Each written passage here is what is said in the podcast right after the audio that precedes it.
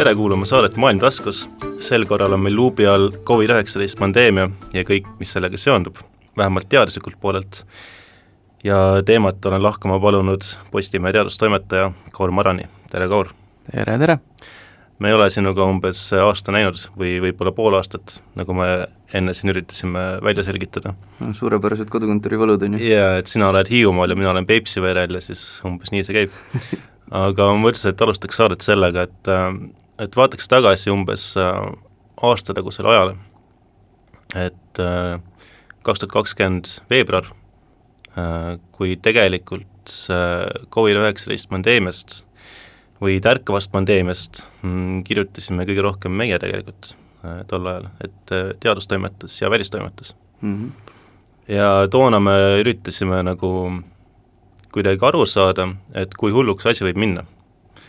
Äh, noh, põhiküsimus tegelikult oligi see, et äh, et kuidas asi kasvab, kuidas ta paljuneb ja mida peaks tegema, et äh, seda peatada. ja me olime minu arust mõlemad üsna pessimistlikud toona. sa teed nägusid, sa ei, sa ei nõustu sellega? ei, ma mõtlen, minu see nagu esimene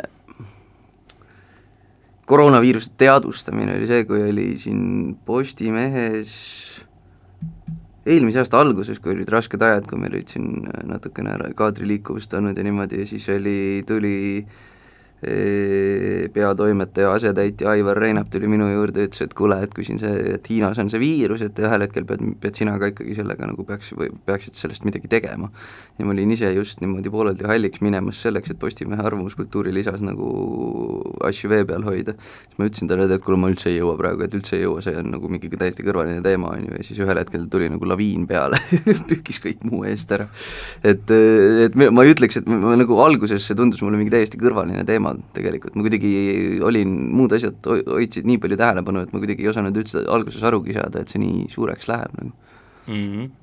alguses oligi keeruline aru saada mingis mõttes, et aga see ei ole mitte ainult meil, see on kõigil ju, selles suhtes see on nagu absoluutselt nagu mitte, mitte keegi ei teadnud ju, mis sellest tuleb, tulevikku nagu üldse ei tee, ei näe ette, on ju, ja kui sa võtad nagu varasemad need äh, koroonaviirused, SARS-id, SARS-1 ja MERS on ju siis need ju mõlemad, noh okei okay,, MERS on praegu Lähis-Idas, tegutseb edasi, aga aga SARS-1 kadus niisama ära, on ju. et ega selle puhul ei olnud ju ka teada, et võimalik, et ta seal kuskilt Hiinast hakkab levima ja siis järsku lihtsalt kukub kokku kuidagi arusaamatutel põhjustel nojah, aga ütleme, et kui kerime nüüd kuu aega edasi, et eh, kaks tuhat kakskümmend märtsis me tõlkisime marulise hooga neid eh, Toomas Pueyo artikleid ja üritasime siis eh, kuidagi panna inimeste jaoks pilti kokku, et, et mis asi nagu endast kujutab. ja ma mäletan, et mina olin jälle halliks minemas too kuu, kui välistoimetusel oli kohustus hakata tegema regulaarseid koroonapäevikuid mm. -hmm. Ja miskipärast mida te praeguseni teete, ja mida me praeguseni teeme, aga, aga toona oli see nagu kuidagi eriti noh, terav teema ja, ja lugejatele läks väga palju korda. Ja mina olin miskipärast selle eest vastutav. Ja siis ma suutsin iga päev noh, lisaks muule tööle toota mingi kümme tuhat tähemärki teksti selle kohta, et, et mis maailmas toimub. Ja siis mulle hakkas küll tunduma, et, et asi hakkab äh, nagu väga käest ära minema. Ja noh, toona ju räägiti seda, et, et tuleb suvi ja asjad lähevad paremaks ja soojade ilmadega läheb viirus minema. mis juhtuski tegelikult? no mis juhtus osalt, aga nagu me näeme, siis äh, praegu on kaks tuhat kakskümmend üks äh, veebruari lõpp ja ja asi käib edasi. jah, ei no ega terve see asi on ju terve, terve inimkond, terve ühiskond, terve teadus on ka õppinud seda asja tundma alles. et noh, nüüdseks nagu veidi enam kui aasta, aasta aega tagasi oli see mingisugune tundmatu viirus mingisugustel nahkhiirtel kuskil Hiina koobastes, on ju mis on nüüd järsku meie kõigi elu täiesti pea peale pööranud. sa oled ikka kindel, et Hiina koobastes, jah? ma natuke provotseerin lihtsalt sind. ei, see, ei ma koopa all mõtlen ilmselgelt laborit Wuhanis yeah. et äh, et ühesõnaga kuskil koobastes mingi täiesti tundmatu asi, mis on järsku tulnud ja, ja kõik täiesti pea peale pööranud, et see on see on nagu tohutu õppimine ja noh, niimoodi puht nagu, nagu teaduslikus mõttes, kui vaatad seda, mis on mingisugused avalikkuse reaktsioonid, mis on mingisuguste siis ma ei tea, kuidas neid nimetada, vandenõuteoreetikud, kriitikud, skeptikud ja nii edasi, et noh, nende, neil on tihtipeale mingisugused kuidas Lutsar nüüd noh, tagasi vaadates, kuidas Irja Lutsar nüüd seda, seda asja niimoodi ütles, kuidas ta seda teadis üldse ja nii edasi, on ju, tihtipeale ei teagi. et ka see noh, mis, mis on meie teadusnõukogu, on ju, mis eks noh, neid kritiseeritakse ka, aga aga noh, samas nad on siiski seal, sealne rahvas on nagu sellel erialal vaieldamatult eksperdid, on ju, et ka nemad ju õpivad pidevalt seda, sellest asjast aru saama.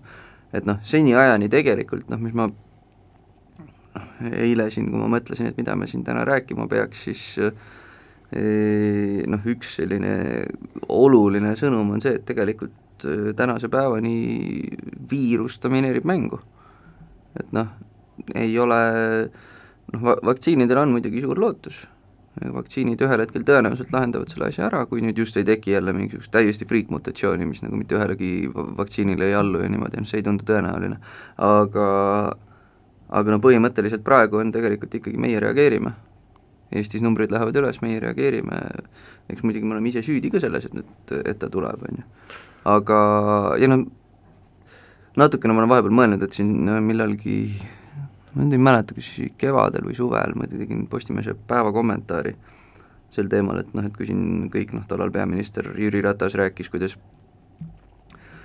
et üsna kindlasti ikka teine laine tuleb ja noh, siis on arutatud, on, arutatud on seda, et kas see teine laine tuleb nagu selline noh, et kas ta tuleb nagu sellise nagu ümara lainena või sakiliselt läheb kiiresti üles ja kiiresti alla või kas ta tuleb, tuleb siis nagu niimoodi, et tuleb järg, iga järgmine laine on natuke väiksem või ta jääbki lainetama ja nii edasi, on ju, et noh, siis ma tegin selle päeva kommentaari, kus ma ütlesin, et et noh ise me teeme selle teise laine, on ju et äh, inimeste enda käitumine mängib siin ikkagi suurt rolli, aga noh, samas praegu ikkagi noh, nii palju kui, ma olen aru saanud, siis võib-olla nagu mitte, et otseselt peaks sõnu sööma, aga noh, seal ikkagi tuleb arvestada ka sellega, et üldiselt ikkagi koroonaviirustel on oma sesoonsus olemas. noh, ka teistel, nendel, mis on teada, noh, inimesel on noh, Eestis, Eestis on ka mingisugune, ma ei mäleta, neli või viis mingisugust koroonaviirust, mis levivad, mis ei põhjusta enamasti, noh, võib-olla mingi kerge nohu, aga noh, mitte midagi olulist et, äh, et ka nendel on oma sesoonsus, mis ei, nii palju kui ma olen aru saanud, ma ei ole nüüd siin sada protsenti selles kindel, aga noh, laias laastus ta ikkagi, see praegune, see SARS-CoV-2 tegelikult jälgib sedasama sesoonsust ikkagi. no lihtsalt seda SARS-CoV-2 on nii palju rohkem liikvel, et ta põhimõtteliselt ei kaogi päriselt ära kunagi, eks ole, et ta ei, ta ei muutu märkamatuks pluss on ei no mine tea, selles suhtes selle kohta, selle kohta on isegi prognoos tehtud, ma nüüd niimoodi peast ei oska öelda, mis ajakirjas see oli, aga see võis olla täiesti noh, minu arust see oli selline Science või Nature, ühesõnaga ikkagi tippajakiri äh,, kus modelleeriti seda, kuidas ta käituma hakkab ja noh, ikkagi pikemas perspektiivis, noh tõenäoliselt ära ta ei kao enam kuna, kuhugi, on ju. et noh, sellist, seda nagu juhtus SARS-ühega, seda meil siin nagu loota ei ole, aga, aga prognoos oli see, et ta ikkagi pikema aja jooksul muutub äh, selliseks haiguseks, mis lapsepõlves ühe korra põetakse läbi ja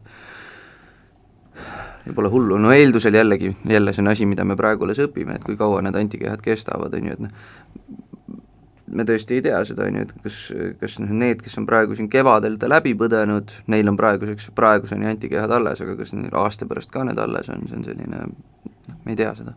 aga mis see pis-, pikem perspektiiv on, et noh, räägitakse, üks asi on see, et tulevad vaktsiinid, okei okay,, tulevad vaktsiinid, aga tulevad ka uued mutatsioonid, vähemalt ja. praegu ja teatud mutatsioonide eest vaktsiine kaitse, et tuleb leiutada uusi vaktsiine.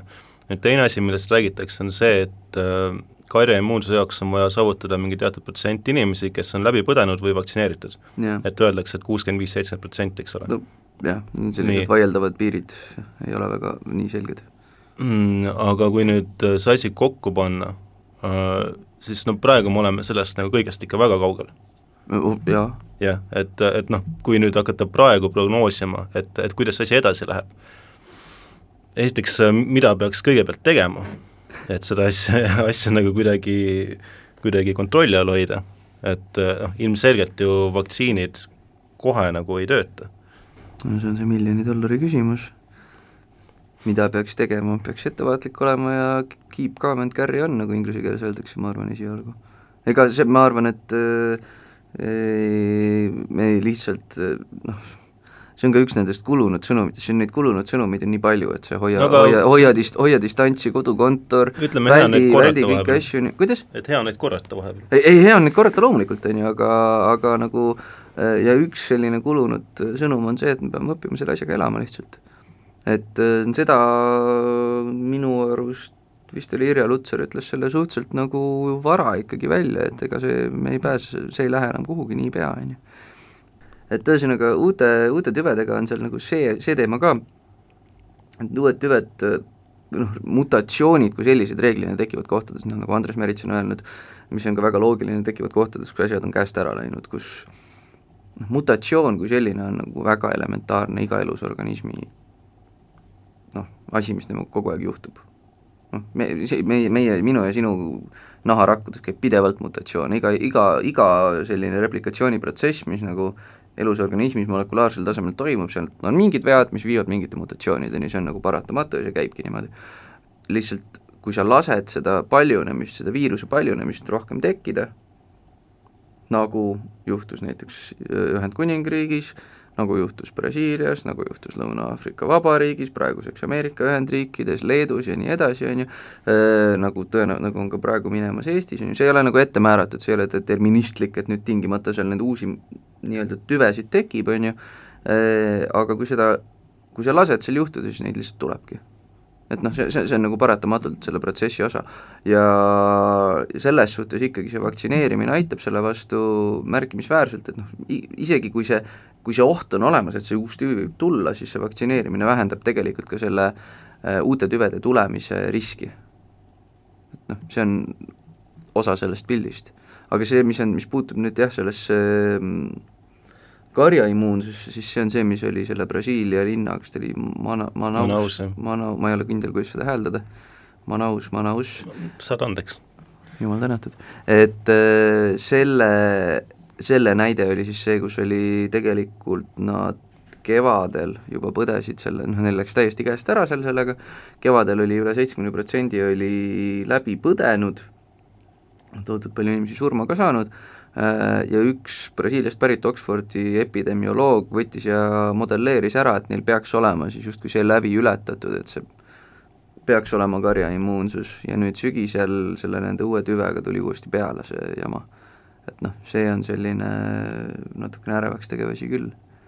aga noh, lõppkokkuvõttes ega me ei tea ju, see on, see ongi see terve selle asja puhul on see, et see on üks suur mäng nagu määramatusega. Aga noh, mis on ilmselge, on see, et nagu distantsi peab hoidma, kodukontoris olema, kui võimalik, noh kõik need asjad, mis on nii kulunud inimesed tahaksid nagu, et teadlased tuleksid, ütleksid mingi uue geniaalse meet-, meet-, meetme, mis nüüd jah, meil on vaja mingit korda. fundamentaalset äh, alusteadmist, et mis nagu pöörab olukorra sada kaheksakümmend kraadi teistpidi, et jah, aga no sellist asja praegusel hetkel ei ole, noh ja lisaks sellele, mis sa alguses mainisid, meil on siin vaktsiinid ja niimoodi, eks arendatakse ka neid ravimeid, on ju, noh Eestis on see jumala eest, ma ei saa nüüd öelda, ikosageen, Mart Ustavi äh, inimesed on ikosageenis välja töötanud siis selle oma ravimikandidaadi, mis nad ise väidavad, et on maailma kõige parem, aga eks mujal ka toodetakse selliseid, ega Icosagen ei ole ainus biotehnoloogiaettevõte, kes sellist asja suudab, et noh, lisaks vaktsiinidele toodetakse ka neid antikehadel põhinevaid äh, preparaate ja noh, eks igal pool need hammasrattad, mis selliseid asju toodavad, noh see, need on ikka täis, täistuuridel töötavad. no see on sama, kuidas need vaktsiinid valmis said, noh, Icosagenis oli viiruse genoom kohal ja sellega töötati enne seda, kui viirus füüsiliselt ise nagu Eestisse, Eestisse oli jõudnud, noh epidemioloogilises mõttes. ja noh, ja samamoodi ka need vaktsiinid, mis on praegu turul, neid juba toodeti ammu enne seda.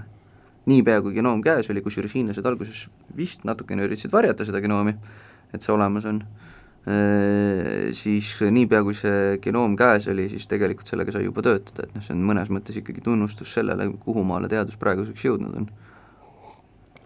Et mul on nüüd võimalus sind tunnustada, et me ei ole tükk aega näinud, et minu arust sinu see kolmeteistkümnenda veebruari Jaak A lugu mm., kus sa rääkisid äh, teadusravimurretest, oli oli väga hästi kirjutatud, selles mõttes, et see tegi väga selgeks kõik asjad, et, et kuidas tegelikult see vaktsiini tootmise protsess äh, käib, et noh, avalikkuses oli vähemalt mingi hetk, no paar kuud tagasi ütleme, et kui need vaktsiinid hakkasid tulema järjest, et oli väga palju umbusku mm, selle osas, et, et noh, kuidas siis nüüd on võimalik, et, et noh, minevikus töötati vaktsiine välja, on ju, aastaid mm, -hmm. nüüd on järsku siis nagu mingi noh, mitme kuuga on olemas, noh esiteks on vaktsiin olemas, on tehtud juba mitu vaktsiini veel. mitu vaktsiini, eks ole, on tehtud katsetused, on läbitud isegi suuremahulised kolmanda faasi katsed mm, -hmm. on saadud äh, load kõik äh, raviamet, ravimiametitest, eks ole, ja kõik nagu justkui jookseb nii kiiresti, et kuidas see võimalik on.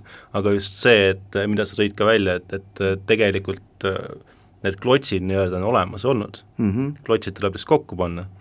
et äh, see on väga, väga äge protsess tegelikult kusjuures jah, see, see on nagu lahe, on noh, seal on see traagika alati juures, et äh, need klotsid on ammu juba olemas olnud, aga lihtsalt keegi ei ole nagu, seni ei ole seal taga olnud seda rahalist motivatsiooni, et neid nagu töösse panna. et see on selline noh, see nagu kurblooline osa sellest asjast, aga noh, teistpidi see on jah, nagu ma vist seal kirjutasin, nagu mõnel pool mujal on ka öeldud, et see on see üks asi, mille eest me võiksime selle pandeemia kontekstis nagu natukene tänulikud olla.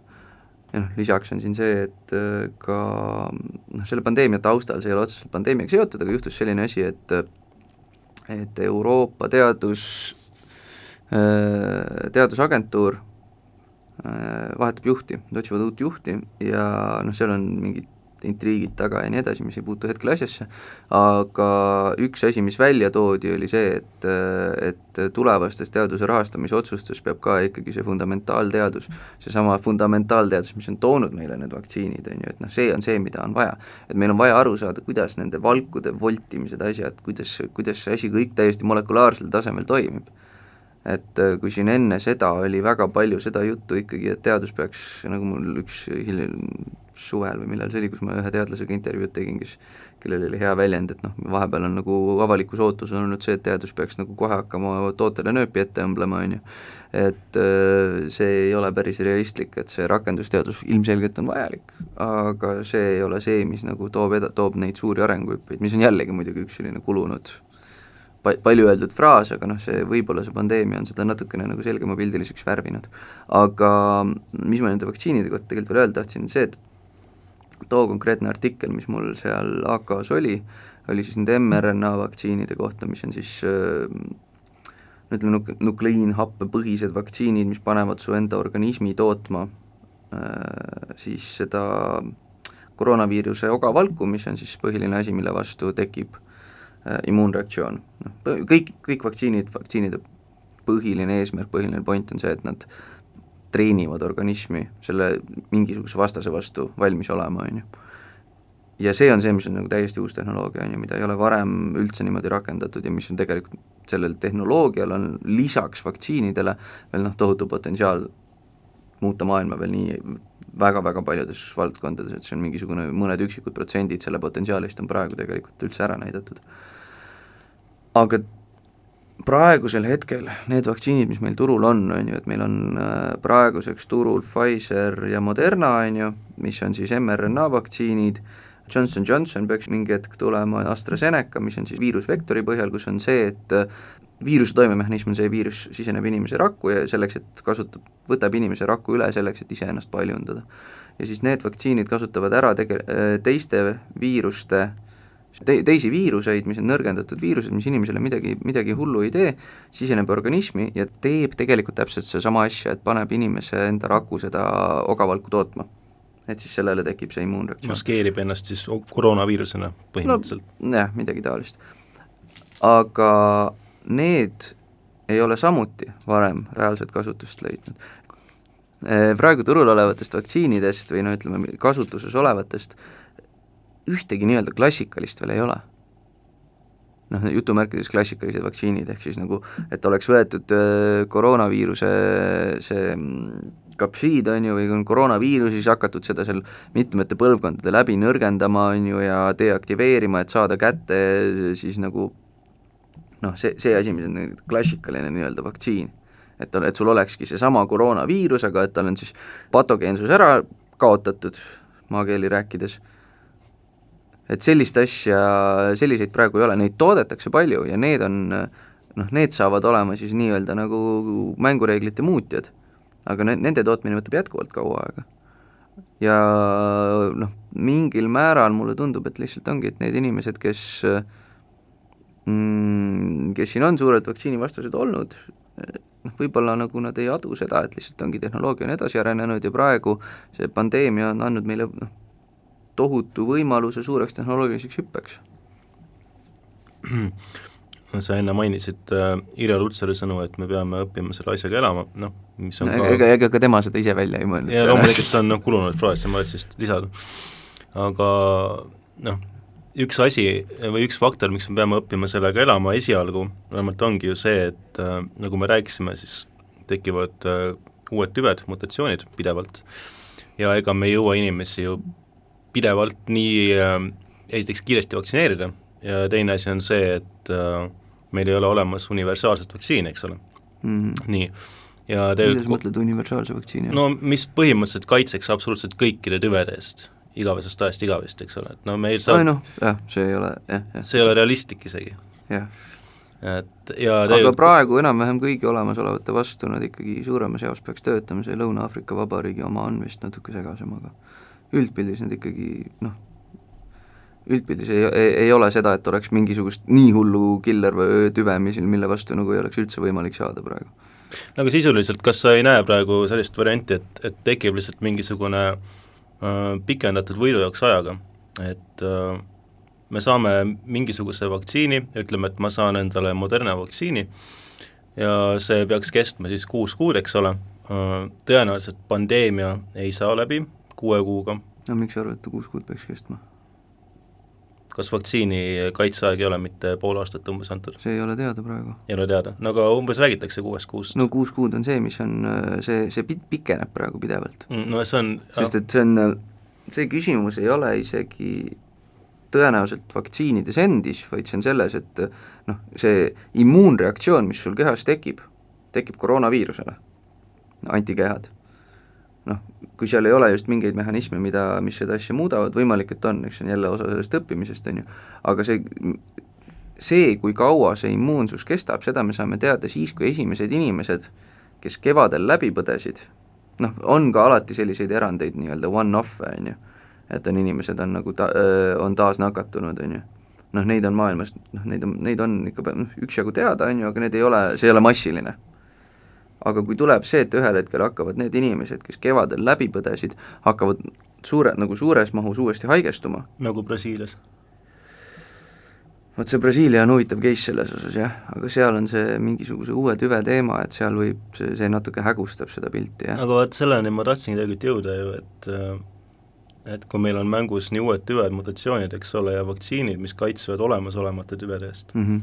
aga nad ei kaitse tõenäoliselt uute tüvede eest. võimalik, et võimalik, et ei kaitse, eks ole, no hea küll, aga noh, me teame, et ju evolutsioon käib ikkagi niimoodi, et, et viirus üritab leida viisi, kuidas paremini levida, eks ole, et noh, ta leiab need mingid loophole'id, mida praegune loodus pakub, eks ole, ja ta üritab nagu eirata eh, neid tehnoloogiaid, mida me oleme kasutanud viiruse mm -hmm. väljatõrjumiseks et, et sellepärast ongi minu küsimus, et, et kas ei teki mingisugustest pikendatud võidujooksu ajaga, et, et me tegelikult ju ei tea üldse, kui hästi me suudame selle välja tõrjuda. pluss üks tegelikult faktor on ju see, et äh, mida väga palju korrutatakse ja ma arvan, et millest inimesed väga hästi tegelikult äh, aru ei saa või mille tähtsust nad ei hooma, on see, et, et maailmas on äh, vaktsiini kättesaadavuse osas väga suur äh, erinevus. on, on. ja, ja tegelikult ju noh, see on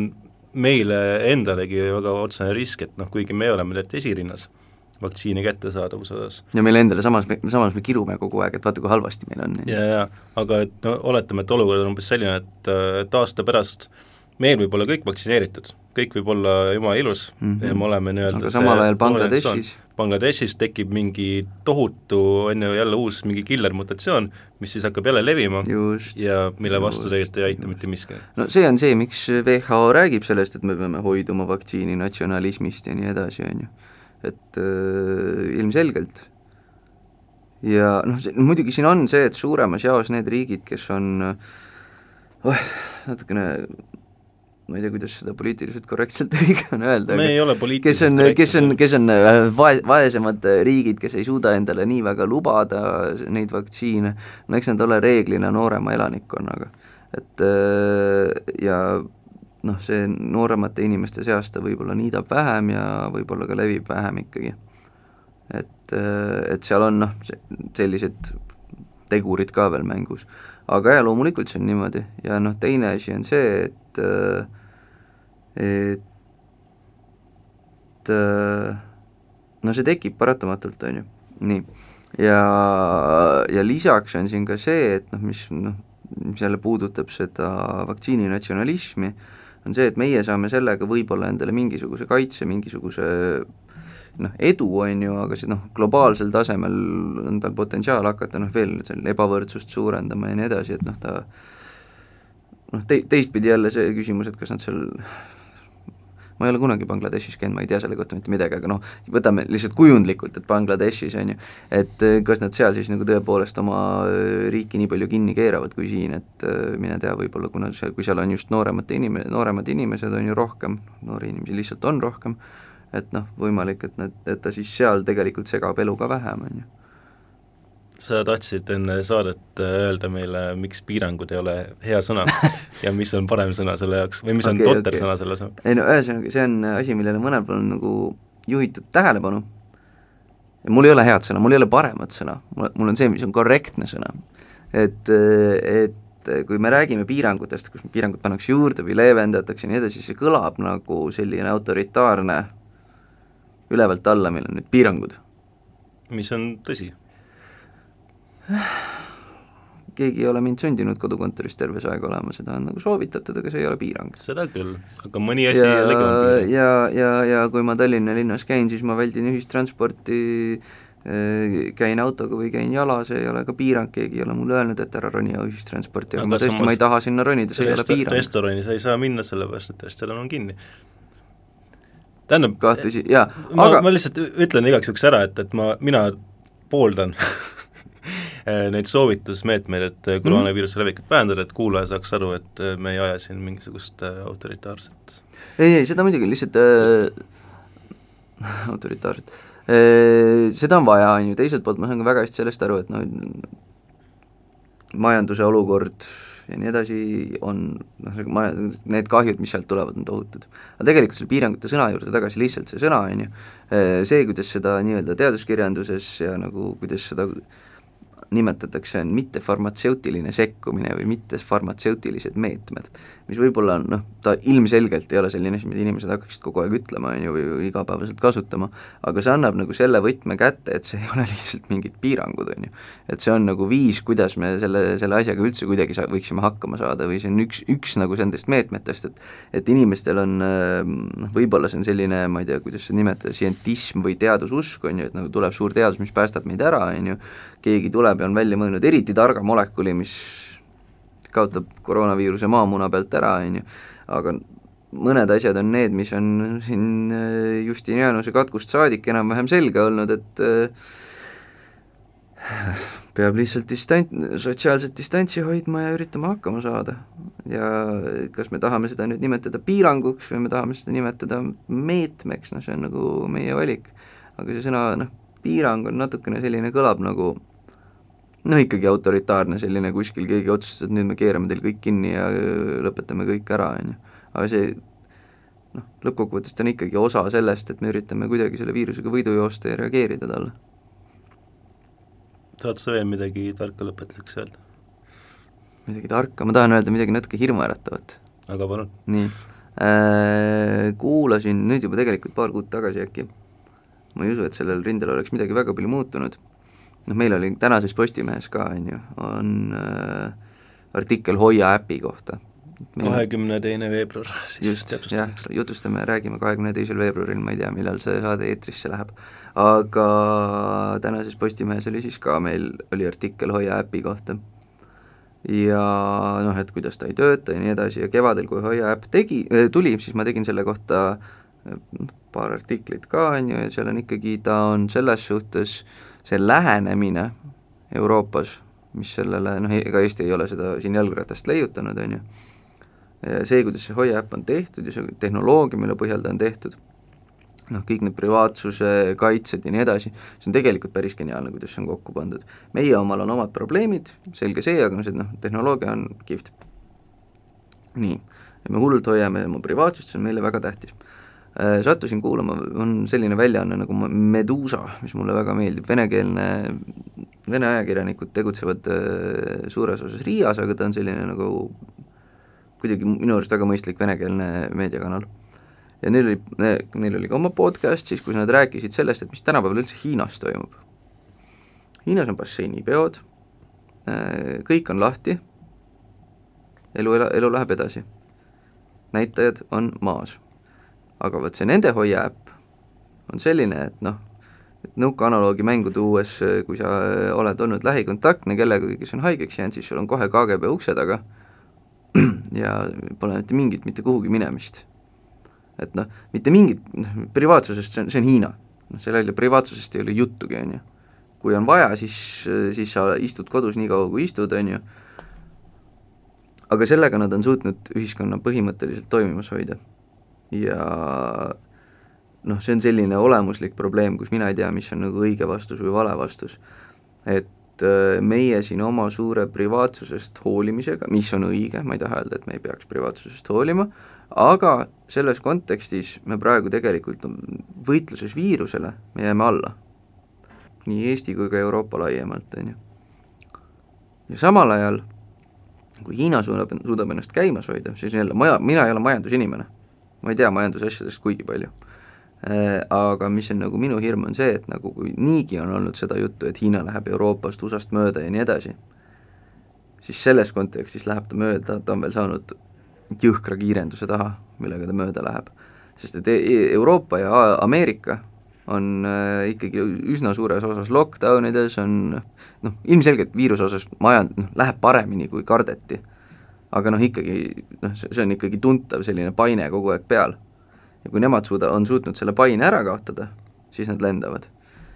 ja see on natukene, natukene hirmuäratav väljavaade. ma ei tea, sa ise tead või võib-olla Hiina asju paremini, võib-olla sa oskad seda kuidagi teises valguses näidata, aga aga see on mingisugune mõte, millelt ma olen ennast ikka päris paar korda leidnud. ei noh, see on see vana hea küsimus jah, et et mi-, mis me peaksime valima, kas me peaksime valima äärmiselt ranged äh, piirangu või kontroll või kuidas iganes seda nimetada mm, -hmm. meetmed, eks ole, äh, või siis me peaksime valima selle, et me hoiame hoiame kuidagi mingit keskmist joont, aga asi ei idane ega mädane, et, et noh, üks, üks viis aitab meil kindlasti paremini, paremini selle asjaga toime tulla. noh, ta on selline nokk kinni, saba lahti olukord, on ju et, et noh, Euroopa kontekstis muidugi on keeruline öelda, et, et mis see nagu õige oleks, et, et ma ei, ma ei näe väga võimalust, et et meil pannakse samamoodi asjad järelevalve alla nagu Hiinas, et see ei ole realistlik, et, et ma noh, see mm, -hmm. see ei toimu, kui juba praegu inimesed on tegelikult üsna äh, endast väljas, et, et on mingisugused, ma ei tea no, jälle kuus kuud kestnud mingid piirangud, eks ole, et sa ei või minna baari õlut jooma, et noh, tegelikult sa võid seda teha mm. -hmm. et äh, noh, meile tundub see mõeldamatu ju. no aga noh, aga kui samal ajal, kui Hiina selle, selle võrra õitsema läheb, on ju, siis see on ka nagu see, see, see võib lihtsalt kaasa tuua väga suure geopoliitilise muutuse, tundub mulle. ja neil oli seal noh, tolles konkreetses podcastis nad rääkisid inimestega, kes elavad konkreetselt Wuhani linnas, elavad oma tavapärast elu. vahepeal mõned inimesed kaovad kuskile ära nagu ikka juhtub nagu ikka juhtub, aga noh, antud, antud juhul tulevad mõne aja pärast uuesti välja lihtsalt no Hiina versioon KGB-st on nad vahepeal luku taha pannud. ega tegelikult ju Hiina ei ole siin äh, tegelikult erand, et äh, et lähme nüüd tagasi jutuga sinna saate alguse juurde, et äh, tõlkisime ju seda Toomas Pueiet, üritasime aru saada kuskil aprilli lõpus või, või maikuus, on ju, et, et kuidas erinevad riigid on toime tulnud pandeemia mm -hmm. haldamisega ja tegelikult ju paljud Aasia riigid võtsid täpselt sama lähenemise. seda küll, seda küll. et, et see oli ka ju Lõuna-Koreas ja igal pool, et Singapur oli hea näide. Singapur ka, et, et nopiti välja niimoodi väga skalpelli meetodil mm. -hmm.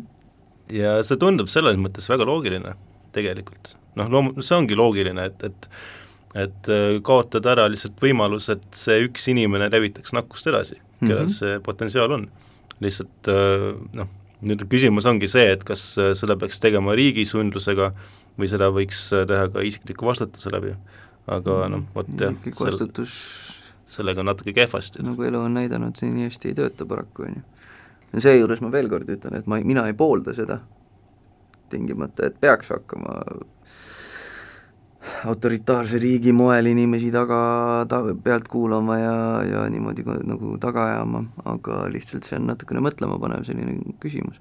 noh, seejuures on ka see, et noh, nii palju kui ma aru saan, ka see artikkel, mis seal tänases Postimehes oli, toodi välja, et Soomes on see nende versioon sellest Hoia äpist, on ju, mis iganes ta nimi soome keeles oli, on ikkagi oluliselt edukam olnud kui meie oma, et noh, võimalik, et siin on ka lihtsalt selline Eesti äh, mulle endale näib, et seal on see, et nad, et tookord kevadel see äpp pandi kokku mingisuguse vabatahtlike konsortsiumi poolt, anti riigile üle ja siis riigil ei olnud nagu mitte mingit programmi sellega, et kuidas nad seda tegelikult üldse haldama hakkavad, kes riigis selle eest üldse vastutab ja nii edasi. et seal olid mingisugused äh, IT-firmad, on ju, kes tulid ja vabatahtlikus korras tegid, tegid, ehitasid asja üles, aga nii palju, kui ma aru saan, siis praegu on vaidlused, kas on Sotsiaalministeeriumi või Terviseameti või kelle, kelle oma ta üldse on et ja, ja mingisugused asjad, mida seal peaks arendama, mida ei ole tehtud ja noh, et see on selline natukene eestlaslik teeme ära suhtumine, et on no, ära, nüüd on ära tehtud. selles ka, et ega tegelikult olgem ausad, keegi ei kasuta seda ju. minul on ta kogu aeg sees. no sinul on ta võib-olla sees, sest sa oled tubli inimene, aga ütleme noh, ma olen enam kui kindel, et, et päris palju inimesi tõmbas selle äpi endale kunagi alla kui see asi tuli välja yeah.. ja siis nad lülitasid selle lihtsalt välja, sellepärast et nad ei tahtnud saada mingisuguseid notification eid kogu aeg. No mis notif-, mina ei saa kunagi, mingeid notification eid no,, äkki ta mul katki no sa oled, sa oled elanud Hiiumaa metsas mingi kuus kuud, ma arvan, et sellepärast ei saagi notification'it no,. võimalik, võimalik. no et, tõmbame joone alla. tõmbame joone alla. suur tänu kuulamast, selline oli selline saade, meil oli külas Kaur Maran, mina olin Margus Parts tänan kuulamast, kõike head!